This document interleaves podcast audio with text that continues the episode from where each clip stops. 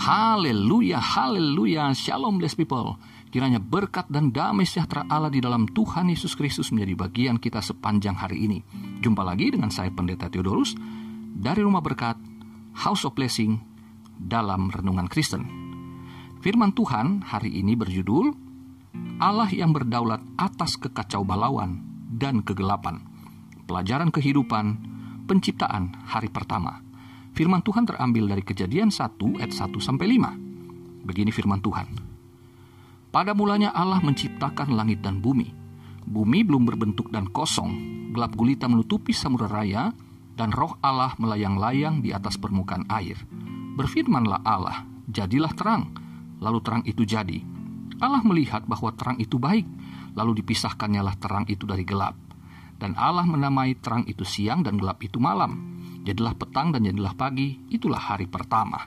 Nah, blessed people, saya akan menyampaikan uh, kisah tentang penciptaan ini, kisah tentang bagaimana kita dapat mengambil pelajaran kehidupan daripadanya. Ya, jadi pasal 1 sampai pasal 2 itu akan saya sampaikan secara berseri. Minggu lalu sudah saya sampaikan tema uh, yang sama, ya, pelajaran kehidupan dan itu baru sebuah introduksi. Nah, hari ini kita akan membahas satu persatu ya. Kita mulai dari ayat 1. Perhatikan Saudara, frasa pada mulanya Allah. Ini merupakan fokus dari sorotan penyataan terarah kepada Yang Maha Kuasa. Dia adalah yang awal, sang penyebab dan sumber dari segala sesuatu yang ada. Kalimat pada mulanya Allah menciptakan langit dan bumi dari teks Ibraninya beresit bara Elohim et hasamayim wa et haares. Nah, kata menciptakan di sana dari teks Ibrani tadi yaitu bara yang artinya menciptakan dari yang tidak ada menjadi ada. Jadi, penciptaan langit dan bumi benar-benar baru, belum pernah ada sebelumnya. Nah, ini bertentangan dengan gap teori yang mengatakan sebetulnya langit dan bumi pernah ada, tapi bumi kemudian dirusak, lalu Allah memperbaharuinya. Tidak. Ayat ini jelas mengatakan Allah menciptakan dari yang tidak ada menjadi ada atau teks latinnya berkata creatio ex nihilo. Itu arti bara. Nah, di ayat yang kedua dikatakan bumi belum berbentuk dan kosong. Ya, belum berbentuk di sini sesungguhnya menunjuk pada kekacau balauan. Nah, kemudian gelap gulita menutupi samudera raya. Ini adalah tahapan penciptaan yang menunjukkan bahwa Allah menggunakan suatu proses pertumbuhan untuk suatu sistem aturan yang belum terbentuk dan berfungsi. Masih kacau begitu. Jadi, bumi belum siap bagi manusia untuk dihuni, apalagi untuk menjalankan misi Allah yang luar biasa itu.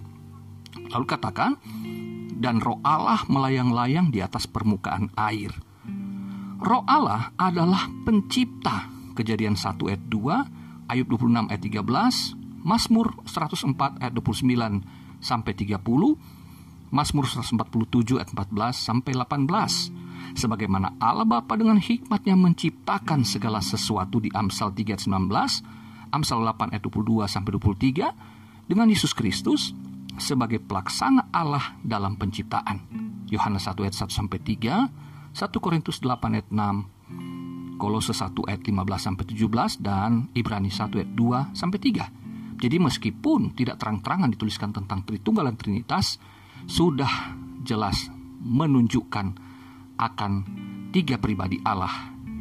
Tritunggal, Allah Bapa, Roh Kudus, Roh Allah, dan Firman Allah.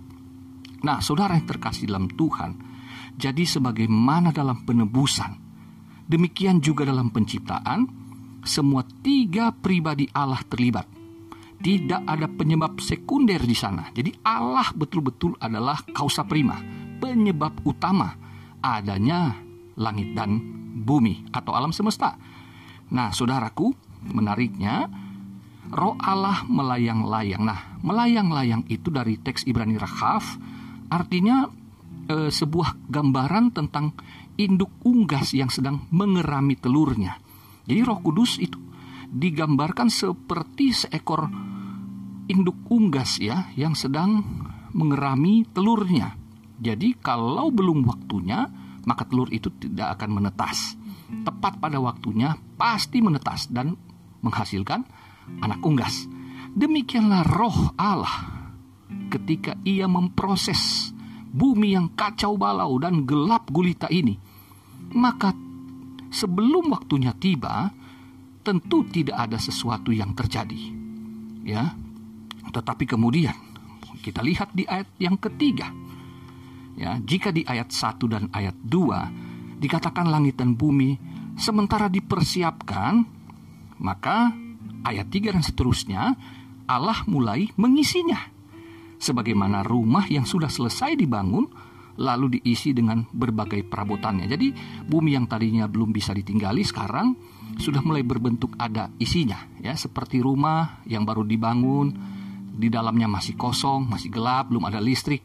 Nah, kemudian di sini dikatakan ya pengisian perabotan alam semesta itu dimulai dengan berfirmanlah Allah. Haleluya. Nah, Wayomer Elohim ini menunjukkan Allah yang berkuasa mencipta dengan ia berfirman. Maka terjadilah apa pun yang ia kehendaki. Jadilah terang, yehi or, atau fiat lux.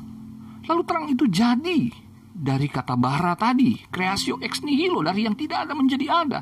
Sekarang terang itu benar-benar ada dan terang itu benar-benar baru ada di alam semesta. Jadi tadi rumah yang sudah dibangun bagus, tapi masih gelap, sekarang sudah dipasangin lampu, sudah ada listrik mengalir di dalamnya, maka rumah itu bisa menjadi terang. Haleluya. Nah, tetapi saudaraku di tempat itu, terang ini bukanlah terang matahari ya, karena matahari baru ada pada hari keempat. Kok bisa? Ya tentu bisa lah. Kan tidak ada yang mustahil bagi Allah. Amin saudara. Ya memang setelah ada matahari, maka Allah memberikan terang dengan menggunakan matahari. Tetapi sebelum matahari ada, Allah bisa menjadikan terang itu. Perhatikan di dalam Wahyu pasal 22 ayat yang kelima, ada terang di sana, tapi tanpa matahari. Allah yang memberikan terang itu. Lalu kemudian juga Allah yang menciptakan dan yang menamakan gelap. Yesaya 45 ayat yang ketujuh dan kejadian satu ayat yang kelima ayat pokok kita. Tetapi saudaraku, gelap bukanlah kejahatan ya dalam penciptaan ini. Ya. Gelap ini menjadi pembeda dengan terang yang Allah ciptakan. Jadi terang ciptaan, gelap juga kan ciptaan. Nanti setelah adanya dosa manusia, barulah kegelapan diasosiasikan dengan kejahatan. Lalu di ayat 5, dan Allah menamai terang itu siang dan gelap itu malam. Saudara, penamaan ini jelas menunjukkan kepemilikan dan pengendalian Allah. Jadilah petang dan jadilah pagi. Urutan ini bisa mencerminkan keberadaan dari kegelapan sebelum penciptaan terang. Karena bagi orang Israel, saudara, satu hari itu dimulai dari jam 6 sore. Maka dikatakan jadilah petang, jadilah pagi. Jadi ada kegelapan dulu, baru kemudian ada terang. Karena orang Israel menghitung hari dari jam 6 sore. Jadi ada kegelapan, baru ada terang.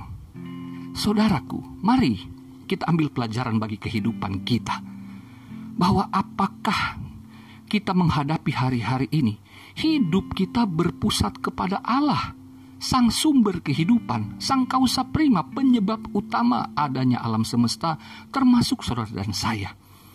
Apakah kita lebih berfokus kepada masalah kita ataukah kepada sang pencipta, Allah yang maha kuasa itu? Saudaraku, sebagaimana pada awal penciptaan, bumi belum berbentuk atau teks Ibraninya itu artinya kacau balau di dalam kekacau balauan kehidupan kita, di dalam kegelapan masa-masa yang kita pikir tidak ada jalan keluar. Saudaraku yang terkasih, seolah-olah firman Allah yang berkata bahwa rancangan Tuhan adalah masa depan yang penuh harapan, damai sejahtera. Seolah-olah ini hanya sebuah ucapan semu. Tetapi saudaraku ingat bahwa penciptaan langit dan bumi itu adalah suatu proses. Mungkin saudara dan saya hari-hari ini masih berjalan ke, eh, dalam ketidakpastian, kacau balau hidup kita, gelap rasanya di sekeliling kita. Saudaraku, percayalah saya pun sebagai pendeta pernah mengalami masa-masa suram seperti itu. Ketidakjelasan saya Tuhan mau melayani sebagai gembala bener nggak ini? Harus diteruskan nggak nih? Kok kayaknya nggak ada harapan gitu? Kok dalam lima tahun jemaat nggak bertambah-tambah? Dua orang terus. Terus ke mana saya ini selanjutnya? Dan tidak ada satu mujizat penglihatan tidak ada saudaraku. Tetapi kemudian firman Allah mengingatkan sebagaimana induk unggas yang mengerami telurnya. Ada roh Allah, roh kudus dalam hidup saya. Dan saya percaya ia sedang membentuk karakter saya dulu untuk bisa memiliki karakter Kristus. Sehingga saya siap saudara untuk menerima apa yang Tuhan rancangkan dalam hidup saya. Jadi kalau saat ini saudaraku, kita belum melihat sesuatu yang hebat, percayalah, itu masih dalam proses, berarti kita belum siap.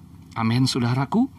Puji Tuhan bahwa Tuhan senantiasa memperhatikan kita, bahwa ketika Dia berfirman, "Jadilah terang," maka saat itu jadi terang, dan kegelapan tidak dapat menguasainya. Ketika saudaraku kita membaca firman Allah di masa-masa suram, termasuk saya, saya kemudian menemukan bahwa saya tidak pernah sendiri. Ada Roh Kudus yang menyertai saya yang dijanjikan Tuhan Yesus. Ini saya hamba Tuhan, Saudara. Ada saatnya saya kehilangan arah, saya kehilangan harapan juga. Tetapi ketika saya membaca firman Allah dan Allah berbicara kepada saya, saya mendapatkan pencerahan. Apa yang tadinya gelap sekarang menjadi terbuka dengan jelas karena terang itu menguasai hati dan pikiran saya. Haleluya. Dan saudaraku yang terkasih, maka kita pun akhirnya dapat melihat bahwa terang Tuhan akan membuat kita berjalan di dalam kehendaknya. Dan akhirnya juga kita kenapa uh, belum mengerti karena kita belum siap tadi saya katakan. Dan pada akhirnya saya pun sebagai hamba Tuhan mengerti ketika Tuhan menyingkapkan oh ternyata dalam proses itu saya sedang diajar untuk dapat membedakan mana terang mana gelap mana yang baik mana yang buruk mana yang benar mana yang salah. Saudara yang terkasih tetap punya kekuatan iman karena saudara hidup dari firman Allah. Percayalah, Tuhan Yesus mengasihimu, Dia menyertaimu dan memberkatimu. Tetap berkarya, maju terus. Tuhan Yesus memberkati. Haleluya, bless people. thank you